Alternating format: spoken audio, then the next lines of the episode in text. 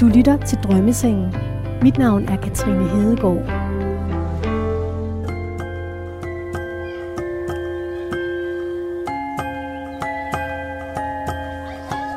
Ja, her. De her drømmesenge. Ja. Skal jeg, altså nu, øh, kan du godt bære noget overhovedet? Ikke så meget, nej. Nej. Så det kan godt være, at jeg skal tage øh, vores teknik her. Ja, kan du ikke gøre og det? så får du drømmesengene. I dag er politiker Isabella Arndt min gæst. I virkeligheden har jeg været lidt nervøs for dig. Eller sådan, fordi jeg tænkte, hvad nu, hvis jeg ikke har tænkt over det? Altså, jeg har aldrig fået lavet sådan en test før.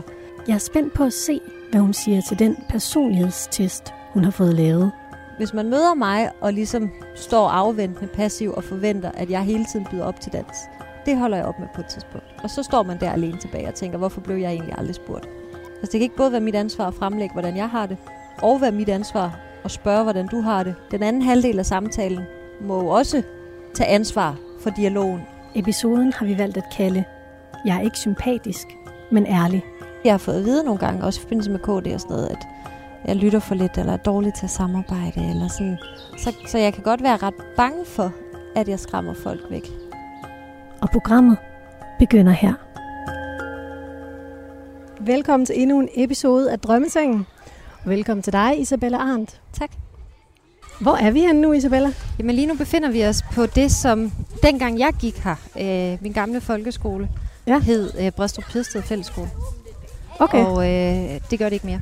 Men, øh, men der øh, har jeg lige været og give en lille forklaring til børnene på, hvad elevrådsarbejde er. De skal jo vælge nyt elevråd øh, Nå, nu her. fedt. Så, øh, Fedt. ja. så jeg gik her fra 5. til 7. Og nu slår vi os ned under, Under. et... Hvad er det for et træ? Og det tør jeg ikke kaste mig ud i. Det er selvfølgelig radio. Skal vi kalde det et e-tag? Der er ikke nogen, der kan... Der Lad os bare kalde det det. der er ikke nogen, der er ikke nogen, der kan tjekke. Uh, det Vi er kalder fordelen det ved ikke at have... Jeg have tager den der. ej, det ved jeg faktisk ikke, om det er. Har du prøvet at slå sådan en drømmeseng op før? Nej. Skal vi se. Øh, du skal have dem her ud først. Og så skal den lige op. Går det? Det gør det. Så må du gerne lægge dig ned. Det gør jeg. Oh, det er ikke så elegant, som det har været. Ej. Den er altså også lidt slap i betrækket. Okay. Men altså, for hende i femte måned her, så det der med benene op faktisk slet ikke noget dumt interviewformat, vil Ej, jeg det er lige godt. sige. Og du kan jo bare, øh, hvis du har brug for at rejse dig, så kan Ja, du ja. godt det, eller... Ej, det kan også være, øh, Åh. hun er lige begyndt derinde, Leonora hedder hun, og øh, reagerer på lyd udefra, så jeg kan mærke, at hun kan høre børnene. Ja, jeg har også vand med. der. Dejligt. Øh, og jeg ved ikke, om du drikker kaffe overhovedet nu, når du kommer Det gør jeg. Vil du gerne have sådan en her? Ja. Og nu kommer det ud på æderen. Der er sikkert en eller anden. Mor, det der morpoliti, det Ja, er den- tilstedeværende. Dem skal man... Kære morpoliti derude. Mit barn, min krop, min beslutning. Præcis. Vi ligger her foran din gamle folkeskole. Ja. Som er sådan en øh, alkoholtest i sig selv at udtale. ja, det virkelig øvet mig lidt. Bredstrup Bjedsted. Det rigtigt? Ja. Pjedsted. Pjedsted. Sagde det allerede forkert. Ja. ja. Men, Men det hedder den jo så faktisk ikke mere. Nej, Nej. det var simpelthen for svært at sige. Det kan være det det. Jeg vil lige øh, præsentere dig lidt. Ja. Vikaren fra himlen. Politiker Isabella Arndt, født 7. maj 1993 i Fredericia. I et kristent og politisk engageret hjem. Tidligere landsformand og partiformand for kristendemokraterne. Meldte sig ud af kristendemokraterne tidligere i år med begrundelsen manglende opbakning og arbejdsløst. Stiller ved kommende folketingsvalg op for det konservative Folkeparti. Privat, gift med Kasper, med hvem du venter et barn til december. Ja. Du har fået lavet en personlighedstest. Det er jeg meget spændt på. Det har Ja. jeg aldrig prøvet før. Ikke så Hvordan? omfattende i hvert fald.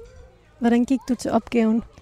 Øh, jeg fulgte bare jeres manual. Der stod, at man skulle svare sådan rimelig intuitivt. Så det gjorde jeg. Jeg tog øh, den svarmulighed hele vejen igennem på alle de der mange spørgsmål, som jeg tænkte, det var sådan mavefornemmelsen. Du har svaret på alle de her mange spørgsmål, og så har en psykolog, der hedder Charlotte Råby Jacobsen, analyseret din profil, og så har hun skrevet fem hypoteser til mig, Ja. som alle sammen dykker ned i din selvopfattelse. Fedt. Og dem skal vi se på nu. Det første, vi skal tale om, det er emotionelle reaktioner. Ja. Det handler om, hvordan du reagerer på dine følelser. Ja. Da du var 26 år i 2019, blev du kendt i dansk politik som vikaren for himlen. Ja. i en partilederrunde på TV2 trådte du ind på scenen i stedet for kristendemokraternes daværende formand, Stig Grenov. Ja. Og efterfølgende blev du virkelig rost, mm. fordi du klarede det super godt i den debat. Hvordan havde du det, da du stod der, din allerførste politiske debat? Jamen, det var netop ikke min allerførste politiske debat. Det var den første, Danmark opdagede. Men på det tidspunkt var det jo mit tredje folketingsvalg.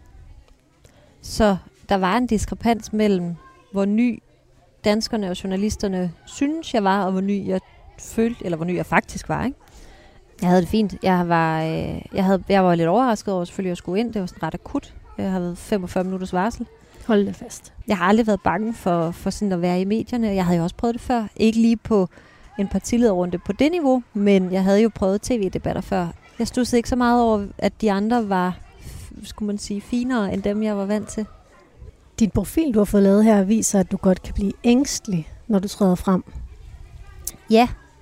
Hvornår er du så det, når du ikke kan blive det i sådan en situation? Øh, det er jeg privat. Jeg bryder mig ikke om at holde festtaler. Og det er der mange i familien, der ikke kan forstå. Og sådan siger, du skal da, du er politiker, du må da skulle sige et eller andet. Altså, da jeg skulle holde tale til min lillebrors bryllup i 2020. Nej, hvor var jeg nervøs. I måneder. Jeg havde det. Og det blev rigtig dårligt. Hvorfor blev det dårligt? Altså, det, var, det var usammenhængende. Øh, jokesene blev ikke leveret. Det var ikke charmerende. Der var ikke følelses nok i. Fordi den eneste følelse, der kørte ind på indersiden af mig, det var, at det var ubehageligt, og jeg ville have det overstået. Og det kunne man jo mærke. Hvorfor er der øhm, den forskel mellem det private og Jamen, jeg ved det ikke. Altså, man kan sige, når jeg er på arbejde, er det jo et håndværk. Altså, det at holde taler som politiker er jo en del af håndværket at være politiker, og det har jeg øvet. Og det er nogle emner, som jeg er komfortabel i og ved rigtig meget om. Jeg er langt bedre til at udtale mig om noget, jeg ved, end noget, jeg føler. Og politik handler, selvfølgelig synes, altså jeg føler, at det, jeg siger, er vigtigt, men, men rigtig meget af det er jo, øh, det er jo ikke mine personlige oplevelser, jeg fremlægger, når jeg siger noget om psykiatrien for eksempel. Jamen, mm. Det er jo noget viden om en status i vores samfund, som jeg ønsker at gøre bedre. Hvorimod til min lillebrors bryllup, der skulle jeg jo på en eller anden måde opsummere. Min lillebror Alexander er en af mine aller, allerbedste venner også, så jeg skulle jo på de der 5-7 minutter, der er formatet i sådan en bryllupstale, øh, opsummere vores relation til hinanden, og det var bare så svært at sætte ord på, og, mm. og få afleveret på en god måde og sådan noget. Jeg var også toastmaster, det klarede jeg meget bedre. Der var ligesom noget rammer og sådan noget, så, så jeg holder ikke flere festtaler end absolut højst nødvendigt. Øh, der var mange til mit eget bryllup, hvor som undrede sig over, at jeg ikke holdt en tale, fordi de tænkte, der kommer en politiker, hun er brud, hun siger et eller andet. Det gjorde jeg ikke. Men er det fordi, du ikke har lært øh, at udtrykke dine følelser? Ja, eller også så... Åh, jeg ved ikke, jeg synes også, det er mærkeligere, når det er et publikum, der er familien. Altså sådan, ikke fordi de, de er jo ikke mere kritiske end, end alle mulige andre, men det er langt mere personligt. Altså, jeg er ikke vant til at holde taler i civil.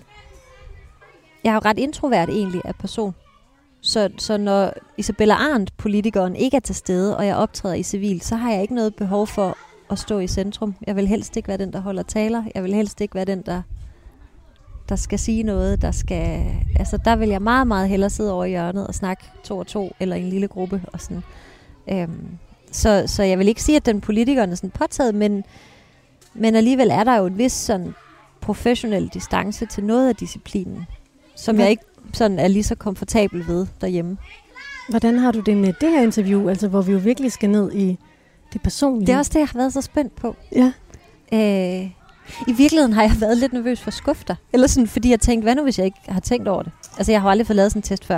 Og jeg tænkte, den kan jo godt finde frem til et eller andet afkrog i min sjæl, og nede i mavefornemmelsen, som en eller anden psykolog ved noget om, og kan tolke ud af det.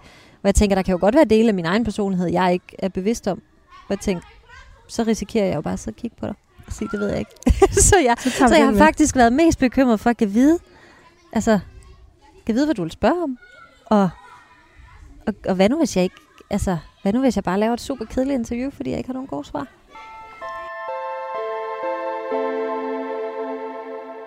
Der var nogle spørgsmål, der handler om øh, social ængstelighed i den her test. På spørgsmålet har skammet og haft lyst til at gemme sig. Har du svaret meget enig. Ja føler sig kajtet sammen med andre, enig. Ja. Er bekymret for at dumme sig, meget enig. Ja. Jeg har jo et ret ekstrovert job, og mm. det har jo oparbejdet nogle, nogle professionelle redskaber. Men som privatperson øh, har jeg altid haft meget svært ved, jeg har været meget ensom som teenager og barn, og nu sidder vi her på folke, den gamle folkeskole. Jeg har brugt allerhelst frikvarteren alene op på biblioteket i en hjørne med en bog. hvor der ikke var andre omkring mig og sådan noget. Så, så jeg synes stadigvæk, øh, nye sociale sammenhæng, hvor jeg kommer privat, sådan noget, du ved, nytårsfester, hvor man kommer med nogen, man kender, men der også er andres venners venner, eller et eller andet, der, der dukker op, ikke? Jeg aner aldrig, hvad jeg skal sige, og jeg ved ikke, hvordan jeg skal... Hvad nu, hvis de synes, jeg snakker for meget? Hvad nu, hvis de synes, jeg er kedelig at høre på? Øh, hvad nu, hvis jeg ikke forstår... Jeg er ikke så god til sarkasme, for eksempel. Hvad nu, hvis jeg ikke forstår jokesene, og så er man hende der den akavede, der ikke kan finde ud af, hvad der foregår? Eller, altså, så har jeg så mange bekymringer om... Og når, når så et eller andet øh, er slut, man har været sammen med en, ikke min nærmeste veninder, men sådan lidt større sociale sammenhæng, hvor man er mere end fem eller sådan, så går jeg også hele turen hjem og tænkte, nej, sagde jeg nu noget dumt til den der sætning, eller hvad hvis jeg, især hvis, hvad hvis jeg har snakket for meget, eller også fordi, at jeg sådan godt kan være lidt generet i de sammenhæng, så, og der er mange, der ved, hvem jeg er, også dem, der jo ikke kender mig. Så de er jo søde til at spørge til mit arbejde, fordi hvad skal man ellers lige spørge om? Øhm, og så falder jeg nogle gange i sådan en meget passioneret hul, hvor jeg mm. pludselig får dem fortalt helt vildt meget om en eller anden reform, som de jo formodentlig er ret ligeglade med, fordi de bare spurgte høflighed. Ja. Og så er det først, når jeg er færdig med det, at jeg ser det udefra på vej hjem og tænker, åh nej, ej, jeg var bare hende der, der snakkede politik og arbejde hele festen. Jeg har været super træls. Altså, så, øh, så jeg kan godt i sådan nogle sociale sammenhæng virkelig altså, tænke mine sociale møder med andre ihjel. Nu læser jeg den her hypotese op for dig, ja. der handler om emotionelle reaktioner. Isabella fremstår oftest som en rolig og fattet person. Hun lader sig ikke presse i svære situationer og kan håndtere det meste, også når det bliver svært. Hun bliver yderst sjældent vred og tager oftest tingene i opløbet. Samtidig bærer hun rundt på en ængstelighed omkring, hvordan hun bliver opfattet og kan føle sig usikker og nervøs i sociale sammenhænge, særligt hvis hun føler sig udsat. Ej, det er så præcist. Lige præcis. Ja. Vi står til at skulle flytte her i foråret, og så skal jeg ud socialt og bygge nye relationer. Hvor skal I flytte hen? Og det ved vi ikke endnu. Boligmarkedet omkring København er sådan ret dyrt. så det kommer lidt sige. an på, hvor venligt stemt min bankrådgiver er. Hvis du lytter med her, Nina, please. hvor mange øhm, millioner skal du låne? Åh, knap fire. Okay. Nina, Nina, kom nu. øh, nej, men, men, men det er virkelig altså en partilederrunde om et emne, et politisk emne, jeg ikke har haft mulighed for. At, altså, jeg skal improvisere om 10 minutter live på DR. Vil jeg any day hellere tage, end et baby shower hos en venindes veninder, jeg ikke har været forberedt på. Okay. Langt hellere. Vi går videre til det næste punkt. Ja. Det er ekstroversion.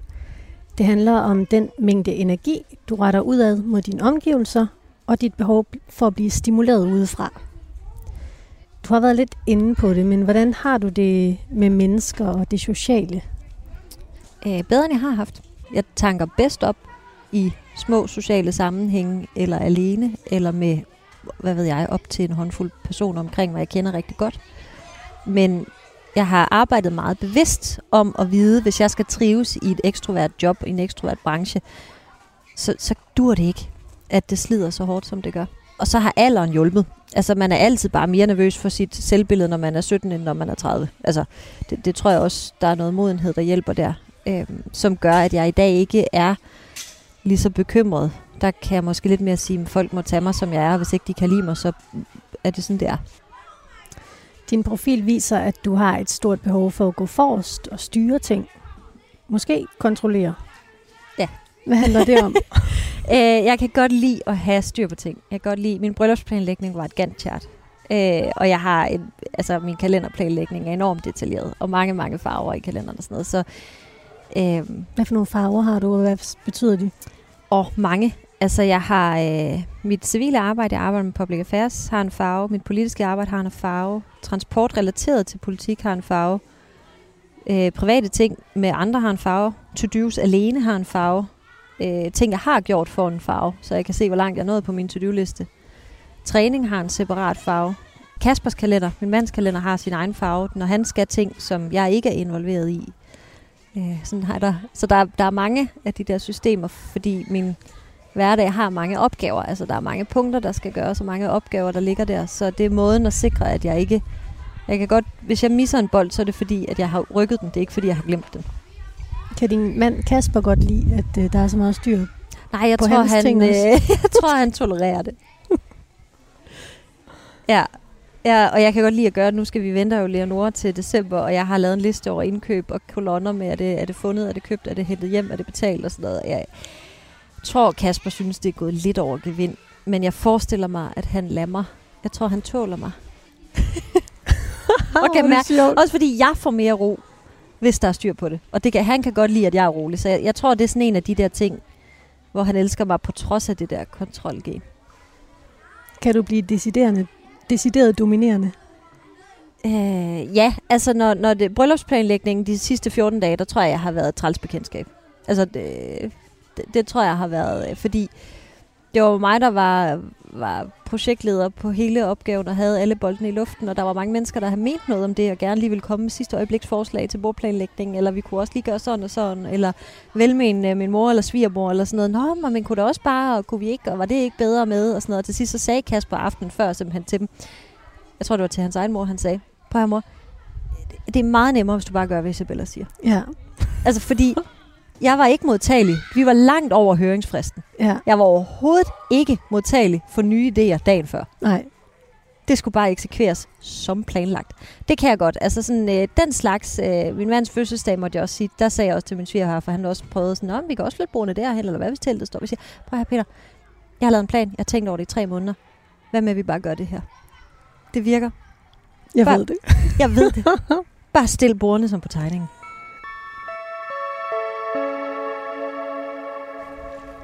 Spørgsmål under dominans.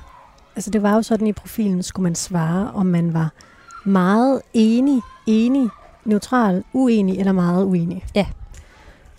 Hvis, hvis spørgsmålet lader andre om at tale ved møder, har du svaret meget uenig. Træffer beslutningerne for andre, meget enig. Tilbøjelig til at snakke mest i samtaler, meget enig. Ja. Var du også øh, dominerende i kristendemokraterne? Det tror jeg. Var det noget af det, der gik galt? Øh, nej, nej, nej. Det, jo, altså, det skal man jo i virkeligheden ikke spørge mig om. Altså, det, øh, jeg tror, at der var nogen, der synes, at jeg fyldt meget. Jeg har til gengæld, jeg bilder mig ind, at jeg er ret tolerant over for andre, der også byder ind i samtalen. Men jeg kan godt, tror jeg, være...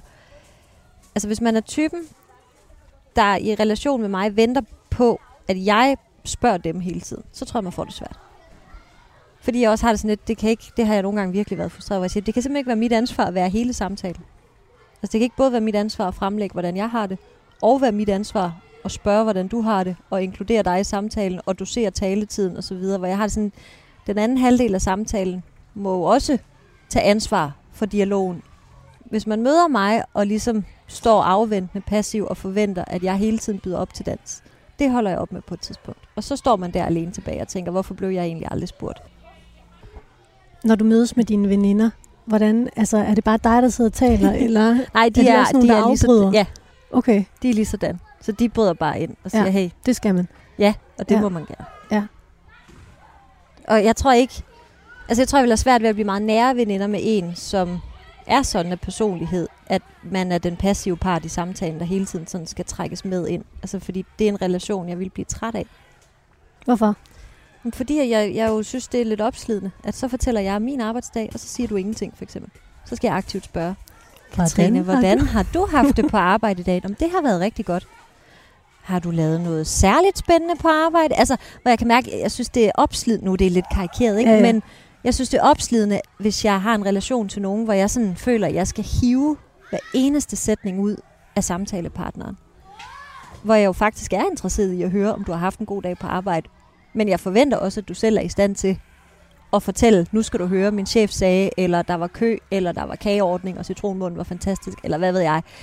Så jeg ikke skal spørge øh, sådan hele tiden i samtalen.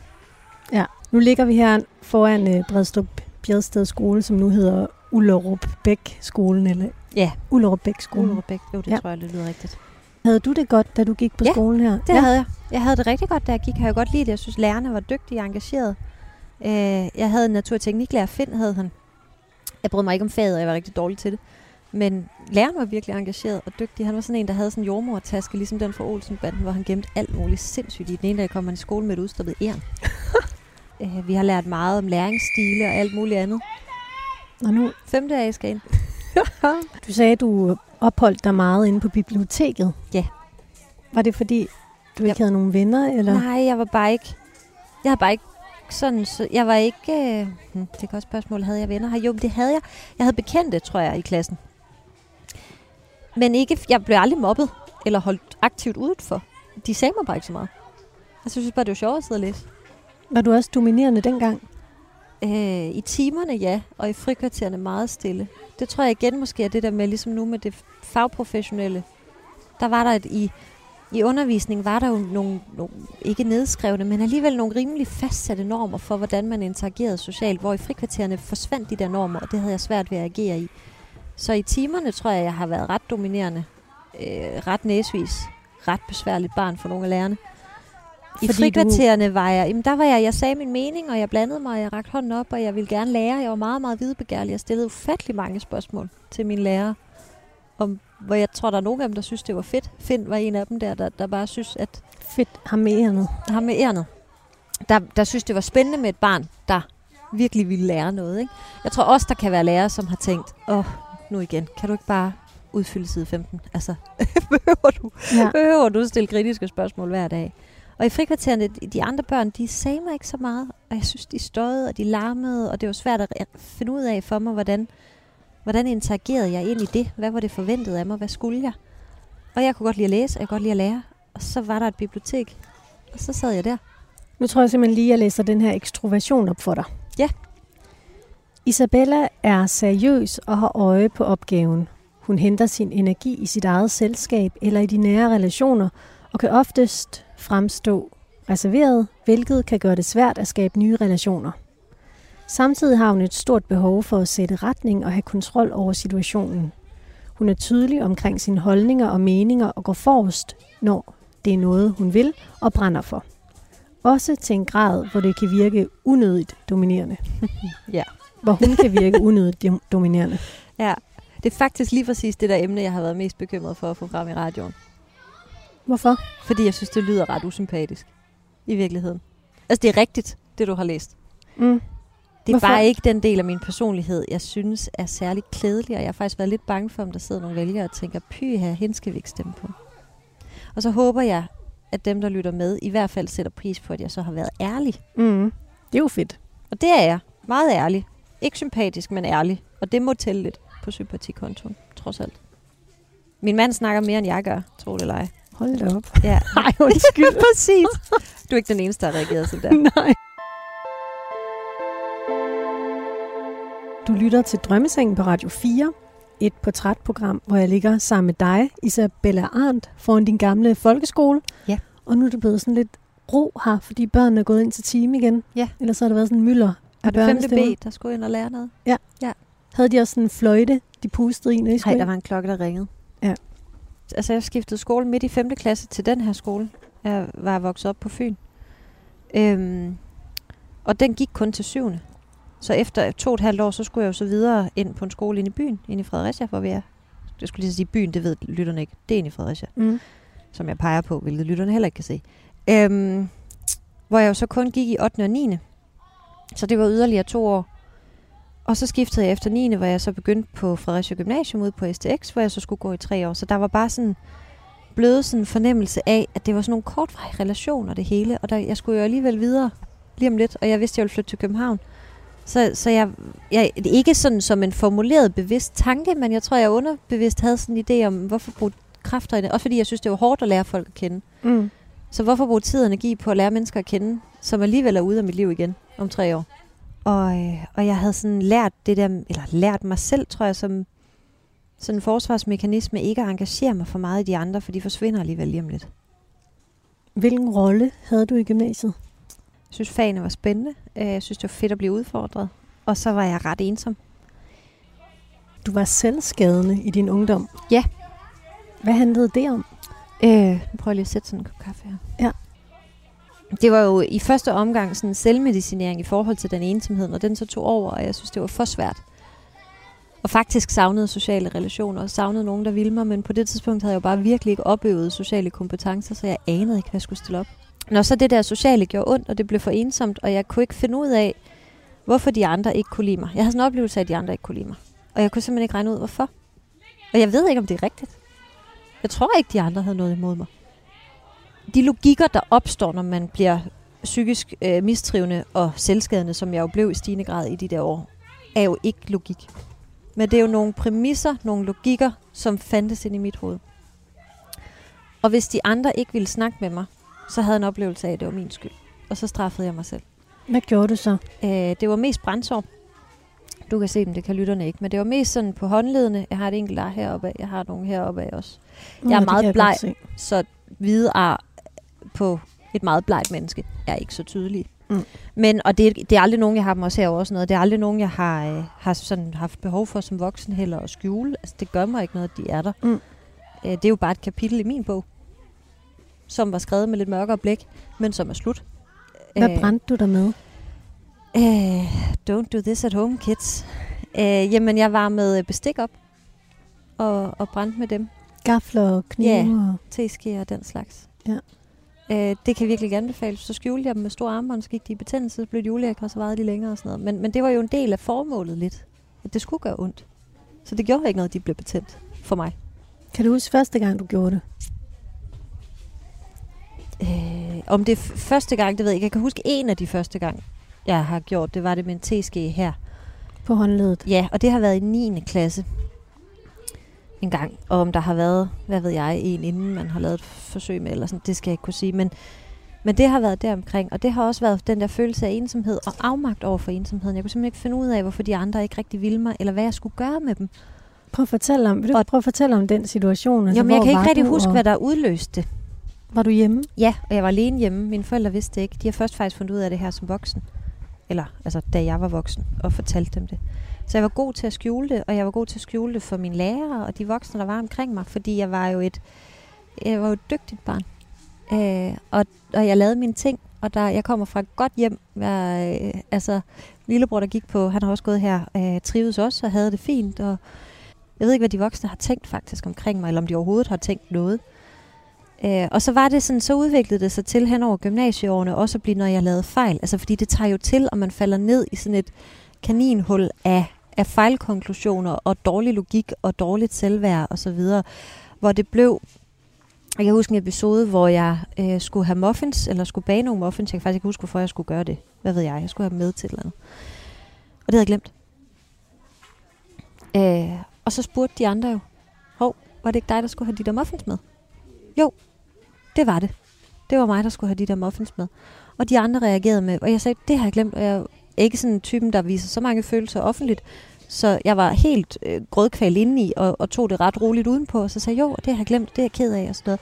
Og de andre reagerede jo så fint og sagde, ved du hvad, der, var- det var noget med, at vi skulle have to, der skulle have stået for noget kage. Og den anden havde husket det, og de sådan, prøv her, ro på, og så gik det videre. Og havde jeg ikke haft det, som jeg havde det på indersiden, så havde det jo været en helt fin reaktion. Så det er også det, jeg tror sådan set ikke, de andre har tænkt over det. Men jeg lavede de her tre ar op af ar- overarmen, da jeg kom hjem, for jeg var sådan, nej, jeg glemte de der muffins. Nu Lige de tre ar der. Lige de der tre. Det, det første, det midterste gik mere i betændelse end de andre to. det lavede du øhm, på grund af de muffins. Ja, fordi at det væltede hele min hjerne og hele min verden, at, at nu havde jeg ikke de der muffins med. Og det lyder, jeg kan næsten ikke engang sådan forklare sammenhængen i dag, fordi det overhovedet ikke mening giver. Altså, men, men hvad vil de andre ikke tænke? Og hvad hvis de aldrig vil snakke med mig igen, fordi jeg havde glemt de der forbistrede muffins? Mm.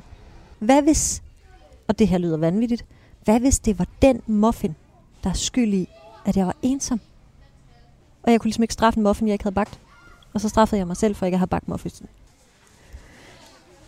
Du laver vel stadigvæk fejl? Eller det gør man jo Ja, som ja, menneske. masser. Hele tiden laver vi fejl. Ja. Hvad gør du nu, når du laver en fejl? Reagerer langt mere hensigtsmæssigt. Ja. jo, men, men, men fordi jeg er kommet ud af det igen, der er masser af fejl, jeg bare siger pyt til. Æh, og så prøv at have, hvis, lad os sige, det skete igen. Prøv at have, jeg glemt de der muffins. Ved du hvad, jeg giver kage næste uge. Altså, Mm. som jo er den rigtige måde at reagere på situationen på, ikke? Eller så er der en eller anden, der smiler til mig og siger, ved du hvad, så må du da lige give kage dobbelt gang næste gang, og så smiler man tilbage, og så siger mm. ja, ja. Øh, laver jeg større graverende fejl, kan jeg jo godt tænke, det var dumt, eller et eller andet, men... Øh, Hvad men med, da du holdt en dårlig tale til din lillebror? jeg er faktisk mest ked af, at min mor ikke... Hun, jeg havde sådan en idé, hun er sådan også typen, der bliver lidt følelsesladet til fester, og det lykkedes overhovedet ikke. Det synes jeg var træls. Øh, nej, det var bare en rigtig dårlig tale. Og så satte jeg mig ned igen og tænkte, ved du hvad? Altså, verden går videre. Så jeg tror også, det at have været der... Altså, min tolerance for fejl er ret høj i dag. Øh, Hvad kunne der, være, er- hvad der kunne er være også... en rigtig grum fejl, du kunne lave nu? Åh, nu venter jeg jo et barn. Jeg kunne forestille mig, der kommer noget. Altså, der er ikke, jeg kan ikke forestille mig noget som helst, der kunne få mig til at være selvskaden igen. Det spurgte Nej. mine forældre også om, da jeg ligesom fortalte om det. Sige, det, det har simpelthen svært ved at forestille mig ske overhovedet, fordi at jeg er ikke i det sted. Altså, det er jo et, selvskade er jo ikke en sygdom, det er et symptom mm. på noget andet. Æh, ligesom misbrug og alt muligt andet. Det er jo en form for misbrug. Så det er jo, der skal være en udløser, og den udløser bare ikke til stede længere. Æh, I forhold til ensomheden, eller i forhold til øh, de der ting. Så, så jeg kan ikke forestille mig, at det vil ske igen. Æh, men, men graverende fejl, det kunne være med, med børn, eller med andet, hvor jeg tænker, øh, nu her da jeg skiftet til konservativ, var der en del, der synes, jeg var forholdsvis hyklerisk. Det har ikke været nogen god oplevelse at blive lagt for had på den måde på sociale medier. Jeg har ikke læst det hele, det skal man ikke. Men øh, ja, tror jeg reagerer mere ja, mere almindeligt på en eller anden måde, mere hensigtsmæssigt, og har jo gode mennesker omkring mig, der kan sige, ja, måske den anden også er en idiot. Ikke? Kan du huske sidste gang, du, du udøvede selvskade? Hmm. Nej, ikke konkret, men jeg har været sådan et par 20 år og, og midt i min bachelor. Eller sådan, det var der, det holdt op. Og så er der jo netop, fordi selvskade er et symptom på et problem. Fra selvskaden, altså fra problemet begynder til selvskaden begynder, er der typisk en tidsperiode. Og fra selvskaden slutter til problemet ophører, er der også en tidsperiode. Og det er derfor, det kan være svært for mig at navigere i at sige, jamen, hvornår skar du, skar du dig selv sidste gang, eller skadede dig selv sidste gang? Okay, men så er du jo helbredt fra den dag. Mm. Nej, der er masser af problemer stadigvæk, fordi det er bare den dag, jeg holdt op med at selvmedicinere. Så er der jo den faktiske helingsproces bagefter. Ja, det er klart. Som gør, at jeg ikke kan huske, hvornår det der lige stoppede, fordi det er jo sådan flydende. Det er derfor, jeg heller ikke kan huske dagen, det begyndte. Altså, det lyder udefra kommende som en meget betydningsfuld dag, ikke? men det er det ikke, fordi du har hele den der optakt, og du har hele efter øh, skriftet bagefter også, ikke? som var den hårde periode, fordi nu kunne jeg ikke længere selvmedicinere med selvskade. Det vil sige, nu skulle jeg faktisk forholde mig til min egen mistrivsel, og faktisk gøre noget ved det. Og sådan er det jo med misbrug af forskellige art, uanset om det er selvskade eller alkohol eller hvad det er. Det er meget nemmere at åbne øl, end det er at forholde sig til sig selv. Nu er vi nået til det punkt, der hedder åbenhed. Ja. Det handler om, hvor åben du er over for nye oplevelser af forskellige slags, og din indstilling til forandringer. Hvordan har du det med forandringer? Mm, det, åh, det er et godt spørgsmål. Det ved jeg faktisk ikke. Jeg bilder mig ind, at jeg er okay til forandringer. Det er ikke sikkert, det er rigtigt, fordi tit vil jeg jo gerne have kontrol over alting. Det kan jeg jo godt se ikke rigtigt er så godt i synk. Du har lige skiftet parti. Ja. Det var en kæmpe forandring. Ja, det var fint. Det var fint? Ja. Eller sådan, det er fordi, at, hvad skal man sige, der er mange, der, der måske, altså i hvert fald nogle af dem, der har skrevet til mig og, og skriver hademails og sådan noget nu her, som, som synes, at så er man bare sådan en zoom og karrierepolitiker og hyklerisk og så videre. Men jeg ved jo, at de værdier, jeg havde før, er fuldstændig det samme. Jeg har bare fundet en platform, hvor jeg både kan stå for det, jeg står for, og trives. Din profil viser, at du er et meget logisk menneske. Ja. Hvordan kommer det til udtryk? Øh, jamen det er nok, jeg, altså, som vi indledte, eller som jeg indledte med, jeg har nemmere ved at forholde mig til det, jeg tænker, end det, jeg føler. Mm. Jeg kan godt lide, når verden giver, passer ind i sådan lidt, lidt kasser, lidt logik og lidt rammer og sådan noget. Hvordan har du det med andres følelser? Altså for eksempel i politik kan der vel også være mange følelser i et rum nogle gange. Hvordan yeah. har du det med det? Det har jeg det okay med. Altså politisk har jeg det jo... Altså det er igen, politisk synes jeg, det er nemmere at navigere i, fordi der også er nogle faste spillerum, og, og at kollegerne jo, selvom der kan være følelser til stede, og det kan der virkelig være i forhandlinger, har jeg også oplevet, at der er nogen, der får tøj i øjnene, og, og, og virkelig brænder for det, de gør. Og det er jo fantastisk.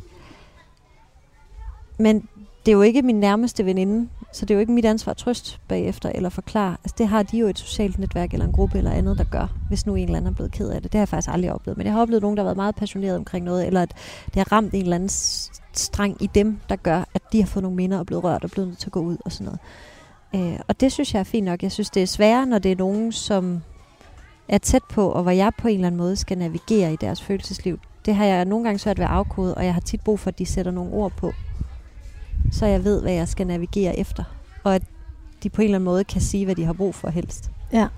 Så vil jeg meget gerne hjælpe. Jeg vil super gerne være der, men, men jeg kan godt have svært ved at gætte, hvad behovet er.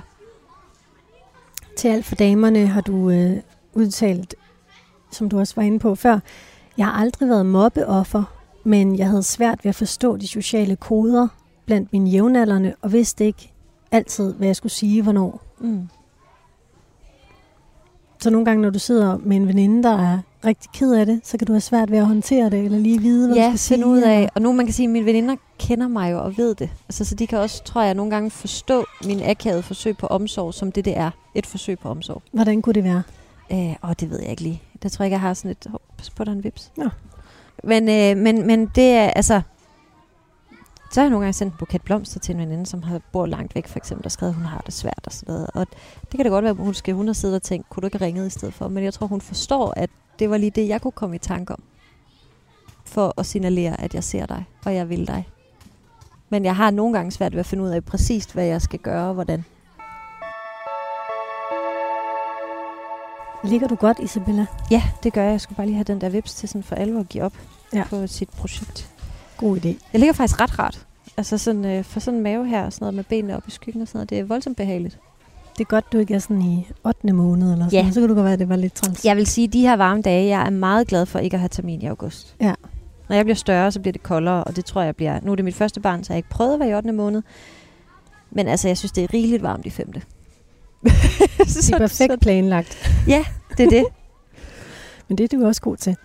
Ja, lige graviditet kan man ikke, øh, det kan man ikke planlægge. Det, det vender kommer vi lige tilbage til. De faktisk. dukker jo op, når de vil, de der børn.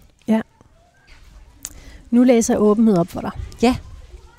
Isabella er meget praktisk og rationelt tænkende. Hun søger ikke unødige forandringer og har det bedst i trygge og, genken- og genkendelige rammer. Tingene skal have en funktion, og hun har ikke meget til overs for fantasifulde idéer og følelser. Hun fastholder i stedet traditioner og logik i sin måde at forholde sig til andre og verden. Hun står ved sine værdier og en tro på, at noget er rigtigt og forkert, hvilket kan virke begrænsende på andre.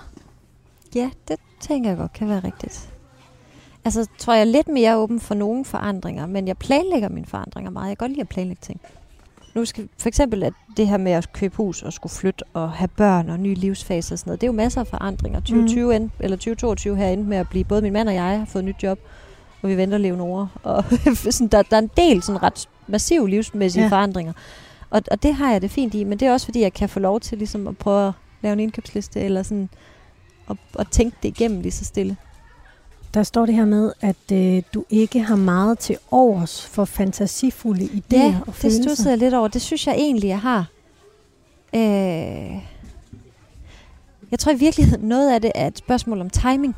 Mm. Dagen før mit bryllup, det er ikke der, vi brainstormer. Med fantasifulde idéer. Fantasifulde idéer. Altså så, otte måneder før mit bryllup, bring it on. Ja. Altså kom med alle mulige, også nu her med, med graviditet og sådan noget. Kom med, jeg, er meget, jeg vil meget gerne have idéer og gode råd og ting og sager, man kan, man kan lave og kreative idéer og sådan noget. Rigtig gerne. Undervejs i fødsels, fødslen, det er måske ikke lige der, vi skal diskutere farven på børneværelset. Nej. Altså, så jeg tror egentlig, jeg vil synes, at jeg kan godt... Jeg betragter mig selv som ret fantasifuldt menneske egentlig, og godt mm. lide verden omkring mig er sjov. Øh, jeg voksede op med, at man måtte godt male figurer på væggene og sådan noget. Jeg vil også lave et vægmaleri på Leonoras værelse, når vi får købt et børneværelse. Er du ret god til at tegne og male, er du ikke det? Jo, faktisk. Det er ikke en evne, jeg bruger så tit. Den er ikke så... Altså, du skal bruge den til noget som politiker. Det er ikke nødvendigt at kunne tegne. Overhovedet. faktisk. øh, der bevæger man sig i en verden af ord.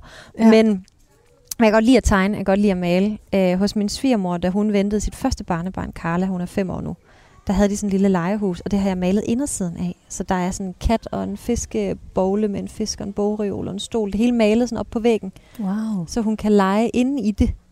sejt. Så det, så, så det er også derfor sådan fantasi og kreativitet, ja. Men, men det er jo fordi, jeg får rigtig mange gode idéer, og så har jeg jo masser af tid til at nå at planlægge dem.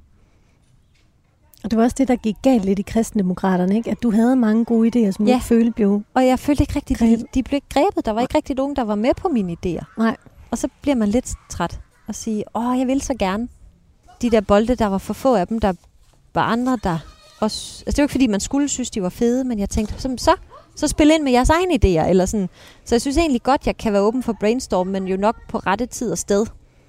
Og, og der står det her med den, den tidligere hypotese, at du kan virke unødigt dominerende, ikke? Altså, Jo. så hvis du glemmer det der med at lytte måske til Ja. andres idéer, kan det være det, der går galt nogle gange? Det kan også være. Ja. Ja. Eller også så har jeg det jo meget sådan, hvis du har en idé, så byd ind. Og det vil sige, hvis jeg har fået en god idé, og siger, hey, jeg tænker, vi kunne lave det her vægmaleri, for eksempel. Og du så ikke siger noget. Så antager jeg jo, at vi laver det. Vi ligger foran din skole, gamle skole. Du lytter til Drømmesengen på Radio 4. Har du drukket din kaffe? Ja. Har du, du har også noget vand, ikke også? Du Jo, skal jo. sige til, hvis du mangler et eller andet. Det skal jeg nok. Den slubrer altid. Du kunne drikke den sådan, uden at den slubrede den her. Jamen, jeg koncentrerede mig meget om sugerøret. jeg tænkte faktisk en, over øh, det. Starbucks kaffe Ja. latte, vi sidder Wow. med her. Åh, oh, nu bliver du helt våd. Ja, det er godt, det er Fra- varmt. Det er tør, og det kun er vand. Brusen er ramløse. Din, din drømmeseng er blevet våd også nu. Den søger også. Ja. Nå, nu er vi nået til det næste sidste punkt. Venlighed. Handler om den rolle, du påtager dig i relation til andre mennesker, og hvor modtagelig du er over for andres opfattelser. Der vil jeg starte med at læse op for dig. Er du okay? Ja. Isabella tror på det bedste i andre, og insisterer på at have tillid til mennesker omkring sig. Hun siger tingene meget direkte, og folk ved, hvor de har hende. Isabella nærer stor sympati for mennesker i udsatte situationer og er tilgivende, når andre begår fejl. Det er du godt genkende. Det er i virkeligheden pænere, end jeg havde. Eller sådan, det kan jeg godt genkende. Eller sådan, jeg tror også, jeg havde håbet, at det er sådan, jeg gerne vil være i hvert fald. Det er også den første del af hypotesen. Så bliver den lidt mindre Lidt mindre flatterende. om lidt. Men det kan vi lige tale om. Først, tager vi lige det her, ikke? Er du nogle gange så tillidsfuld, at det kan komme over i noget naivitet? Hmm. Måske. Altså, jeg har i hvert fald meget tillid til verden omkring mig, og jeg insisterer på at have det. Altså, det er også lidt et princip for mig at møde verden ved tillid. Og, altså, det vil jeg, det vil jeg kunne.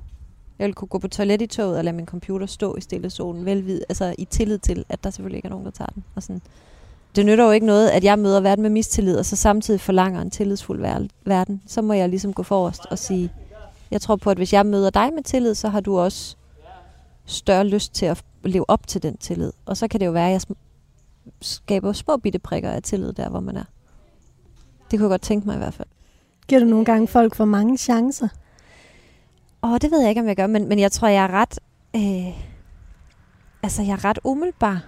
Jeg siger, hvad jeg tænker tit. Eller sådan, jeg er ikke så god til det der heller, det der politisk. Det er det eneste del af mit håndværk, jeg virkelig kan finde ud af. Og det kan jeg heller ikke rigtig finde ud af, om jeg synes er et problem. Men det kan jeg ikke. Det der med intriger og spille hinanden ud mod folk og sådan noget, det kan jeg ikke finde ud af. Hvis der er en eller anden, der spørger, hvad jeg mener, så svarer jeg på det. Hvis der er en, der spørger, hvordan jeg har det, så svarer jeg ærligt. Øh, altså, så, så det der med at kun fortælle dig halvdelen, fordi det havde været mere hensigtsmæssigt, sådan noget, det kan jeg ikke finde ud af at navigere i. I din profil har du været meget tydelig omkring, at øh, du ikke opfatter dig selv som hjælpsom. Ja, Hvor kommer det fra? det tror jeg er mere sådan en bekymring. Eller sådan, fordi jeg godt ved, at jeg kan være ret dominerende, så er jeg ret bange for ikke at være behagelig. Eller sådan, hvis nu, at folk bliver træt af mig. Også fordi jeg har fået at vide nogle gange, også i forbindelse med KD og sådan noget, at jeg lytter for lidt, eller er dårlig til at samarbejde, eller sådan. Så, så jeg kan godt være ret bange for, at jeg skræmmer folk væk. Jeg har ikke spurgt nogen, om det er rigtigt. Men har det noget med at være hjælpsom at gøre? Ja. Jamen også det. Altså sådan, hvad nu hvis de har et eller andet behov, som de ville ønske, jeg havde set, og så så jeg det ikke. Eller sådan, det er jo ikke sådan super godt.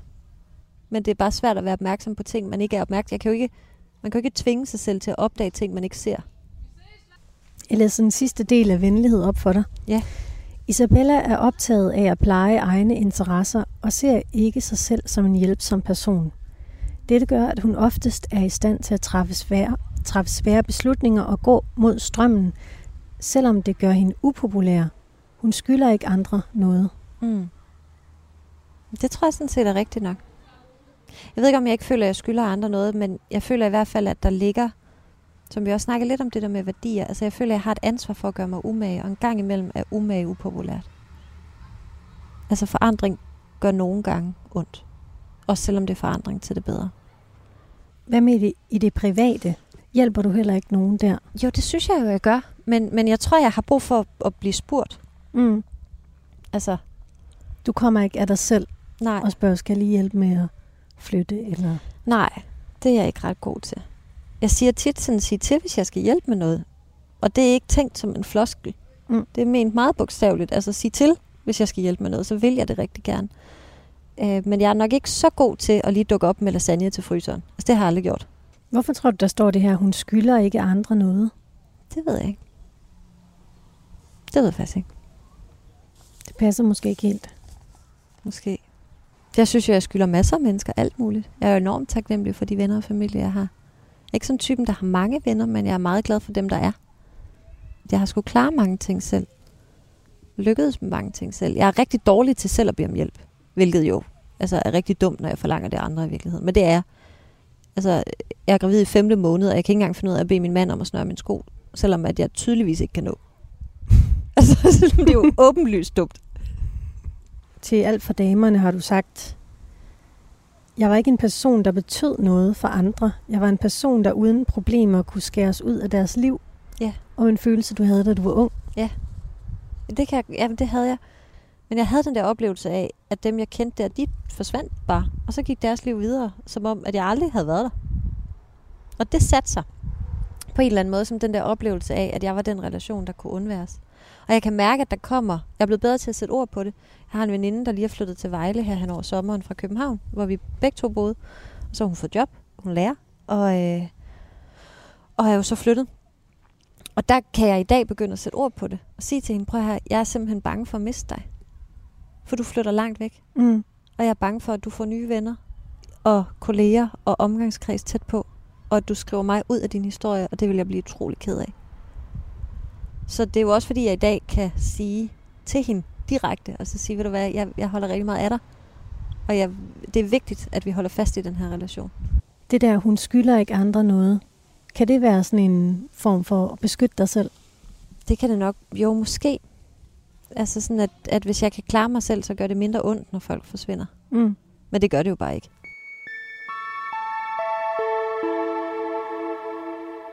Vi er nået til det sidste punkt nu, Isabella. Ja. Altså jeg vil bare sige, at jeg synes, det er enormt spændende. Det er godt. Du skal ikke være nervøs for, at det bliver kedeligt. Du skal ikke være bange for at lave kedelig radio. Nej, det har du altså ikke. Ej, det er godt. Samvittighedsfuldhed Ja. handler om, hvor stærk din, din beslutsomhed er, og hvor stort dit drive er i forhold til at nå dine mål. Ja. Hvordan lykkes du med de mål, du sætter dig for? Jeg lykkes faktisk som regel. Øh, det kan godt lyde enormt privilegeret, og det er det i virkeligheden også. Altså, livet har vist mig ufattelig få bump på vejen. Øh, og, og det er jo et privilegie, man ikke er herover. Jeg har aldrig været sådan kronisk syg eller mistet nogen. For, altså sådan, så øh, på den måde har jeg levet meget øh, velsignet og haft mulighed for at forfølge mine drømme. Men, men jeg er sådan ret stedig, Altså, så der, der er projekter, jeg kan have i overvis om at forbedre et eller andet, eller blive bedre til noget. Og, og det er meget sjældent, jeg dropper idéer. Faktisk. Det tog dig, har jeg læst, halvandet år at blive gravid. Ja. Hvordan var den proces for dig? Altså være ude af kontrol? Og jamen, det var... Det var faktisk ikke så meget det der med at være ude af kontrol. Altså der synes jeg jo også, at min kristne tro hjælper mig i at sige, at jeg kan lægge det over til Gud og sige, det er ikke, altså det er ikke menneskets opgave at have kontrol over alting. Så det kunne jeg egentlig sagtens være. Det var de der evindelige skuffelser. At man havde, altså kvindens cyklus er en måned, ikke? Så du har menstruationen, det, nu bliver det meget teknisk, men altså menstruationen sidste dag, og så 14 dage senere, så er der ikke løsning. Og så er der 14 dage, hvor du håber, og håber, og håber, og håber, at der er en befrugtet æg, der har sat sig fast. Mm. Og når så den der menstruation kommer, så bliver man så ufattelig ked af det. Og det foregår jo i vores samfund meget hemmeligt, fordi det er enormt intimt. Jeg havde ikke lyst til at dele den proces med, med folk, mens jeg var i den. Men det betød jo bare, at så lige pludselig fik man menstruation på arbejde og blev så ked af det. Fordi alle de der idéer om det der barn, man gerne ville have, de døde lige der Mm. på toilettet et eller andet sted. Øhm, og så var jeg ked af det i de der 14 dage. Ej, ikke helt i 14 dage, vel, men, men så var der sådan to uger cyklus, som var sorg og tab og håbløshed. Og så var der en ny befrugtningsperiode, hvor man så kunne bygge håbet op igen. Og når man gør det i halvandet år, det slider. Øh, jeg har faktisk ikke som teenager eller sådan som ung, yngre, haft sådan en idé om, at jeg skulle have børn. Men da vi så besluttede, at det var det, vi ville, så var det bare så hårdt, at det blev ved med at gå galt. Og man har de der meget håndgribelige beviser på, at det går galt, når menstruationen kommer. Hvad hvis det aldrig lykkes? Og det er der jo masser af par i Danmark, desværre, hvor, hvor det aldrig lykkes. Og nu var vi, altså, vi kan sige halvandet år er lang tid, ja, men det er heldigvis kun halvandet år. Altså, der findes jo masser af mennesker, som tager år Mm. om aldrig at lykkes med at få børn. Og jeg vil sige, jeg var efter, efter omkring halvandet år, der var jeg sådan begyndt at tænke, altså, måske vi ikke skal have børn. og begyndte lige så stille at forberede mig på, hvad byder den fremtid på? Altså jeg insisterede ligesom på at blive lykkelig alligevel, så, så jeg var gået i gang med at sige, okay, hvad giver det af muligheder? Lad os sige, at vi ikke behøver at købe et hus med børneværelser. Okay, men kan vi så købe et med vinkælder? Kunne det være fedt? Eller bibliotek? Mm. Eller, altså sådan, det der med at så sige, okay, men så kan livet noget andet. Fordi det måtte ikke være, det var meget vigtigt for mig i den der proces, at det var mit forældreskab og håbet om det at blive mor, der forsvandt hver måned. Det var ikke håbet om at blive lykkelig. Det var meget vigtigt for mig at adskille de to ad, fordi jeg, jeg kunne simpelthen ikke bære, at min fremtidige lykke var bundet op på den der forbistrede menstruation. Mm. Så jeg siger, det, det er forældreskabet, der er på spil.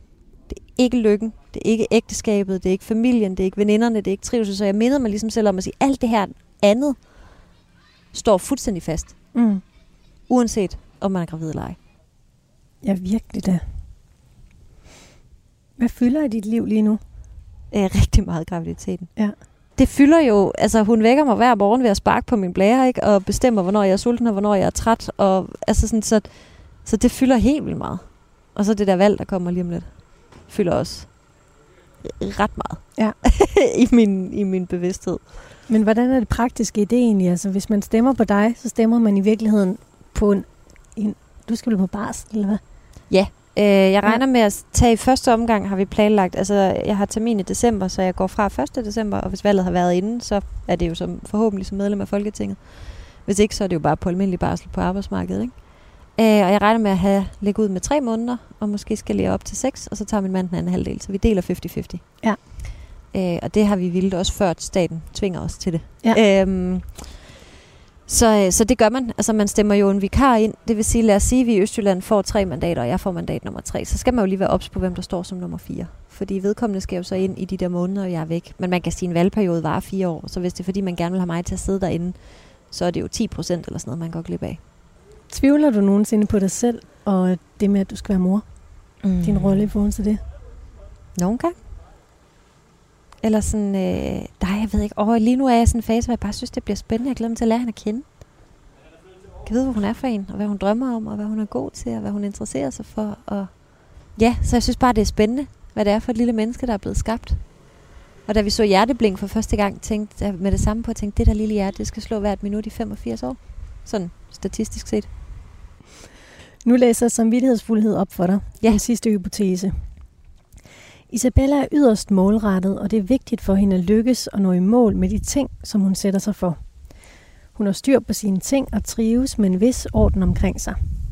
Isabella træffer ikke uovervejede beslutninger og bruger gerne tiden til at opveje for og imod, så hun er sikker på, at hun har belyst alle vinkler, før hun handler. Samtidig søger hun en balance mellem det, hun skal og det, hun vil. Hun er bevidst om egne styrker og svagheder, med en tilbøjelighed til at kritisere sig selv, før andre gør det. Ja. Men det er rigtigt, jeg træffer ret få uovervejede beslutninger. Mm. Altså sådan, jeg, jeg er ikke typen, der impulshandler. Vi er nået igennem det, vi skulle. Ja. Alle hypoteser, hvordan Alle har det været hypoteser. for dig? Har du kunne genkende dig selv i det her? Ja, det synes jeg. Øhm, ja, det synes jeg virkelig. Jeg synes, det har været ret imponerende faktisk, hvor, hvor præcist det har været. En stor del af det. Det har også været meget ærligt. Det har egentlig været okay. Jeg havde forestillet mig, at det ville være mere ubehageligt. Er det rigtigt? Ja. Det er jeg glad for, at det ikke har været. Det har det ikke været. Eller sådan... Ja, jeg ved ikke. øh, Jeg har været mest bekymret for den der dominerende. Mm. Eller sådan, om det vil lyde som om, at man hører det her program, og så tænker, hold da op. Det håber jeg ikke, man gør. Det tror jeg ikke. Og vi ligger altså her foran din gamle folkeskole, og børnene de er vist gået hjem nu. Det Nu tror i hvert jeg. fald helt stille Må ikke de har fået fri? Under egetræet her, hvor vi ligger. Der var nogen med skoletasker, der forlod matriklen tidligere, så jeg tror, deres, deres dag skal videre ud i noget foreningsliv eller et eller andet. Jamen, så må du godt rejse dig. Så skal vi have pakket dem sammen. Oh, vi skal op igen. Skal du have en hånd? Uh. uh. Det, Det går. Ja. Skal du have den her ned først? Det er længe siden, øh, jeg vil sige, at jeg har bevæget mig sådan rigtig elegant med sådan noget der. Jamen, sådan er Der det. er lidt valg over det efterhånden. Sådan der. Sådan der. Vil du bare Sæt dem her. Du har lyttet til portrætprogrammet Drømmesengen på Radio 4. Der kom en sommerfugl. Min hovedperson var i dag politiker Isabella Arndt. Psykologen bag analysen af personlighedstesten hedder Charlotte Råby Jacobsen. I redaktionen sidder researcher Gitte Smedemark og redaktør Gry Brun Mathisen. Du kan finde Drømmesengen som podcast i Radio 4's app. Mit navn er Katrine Hedegaard. Tusind tak til dig, Isabella. Selv tak. Og tak til dig, kære lytter, fordi du lyttede med.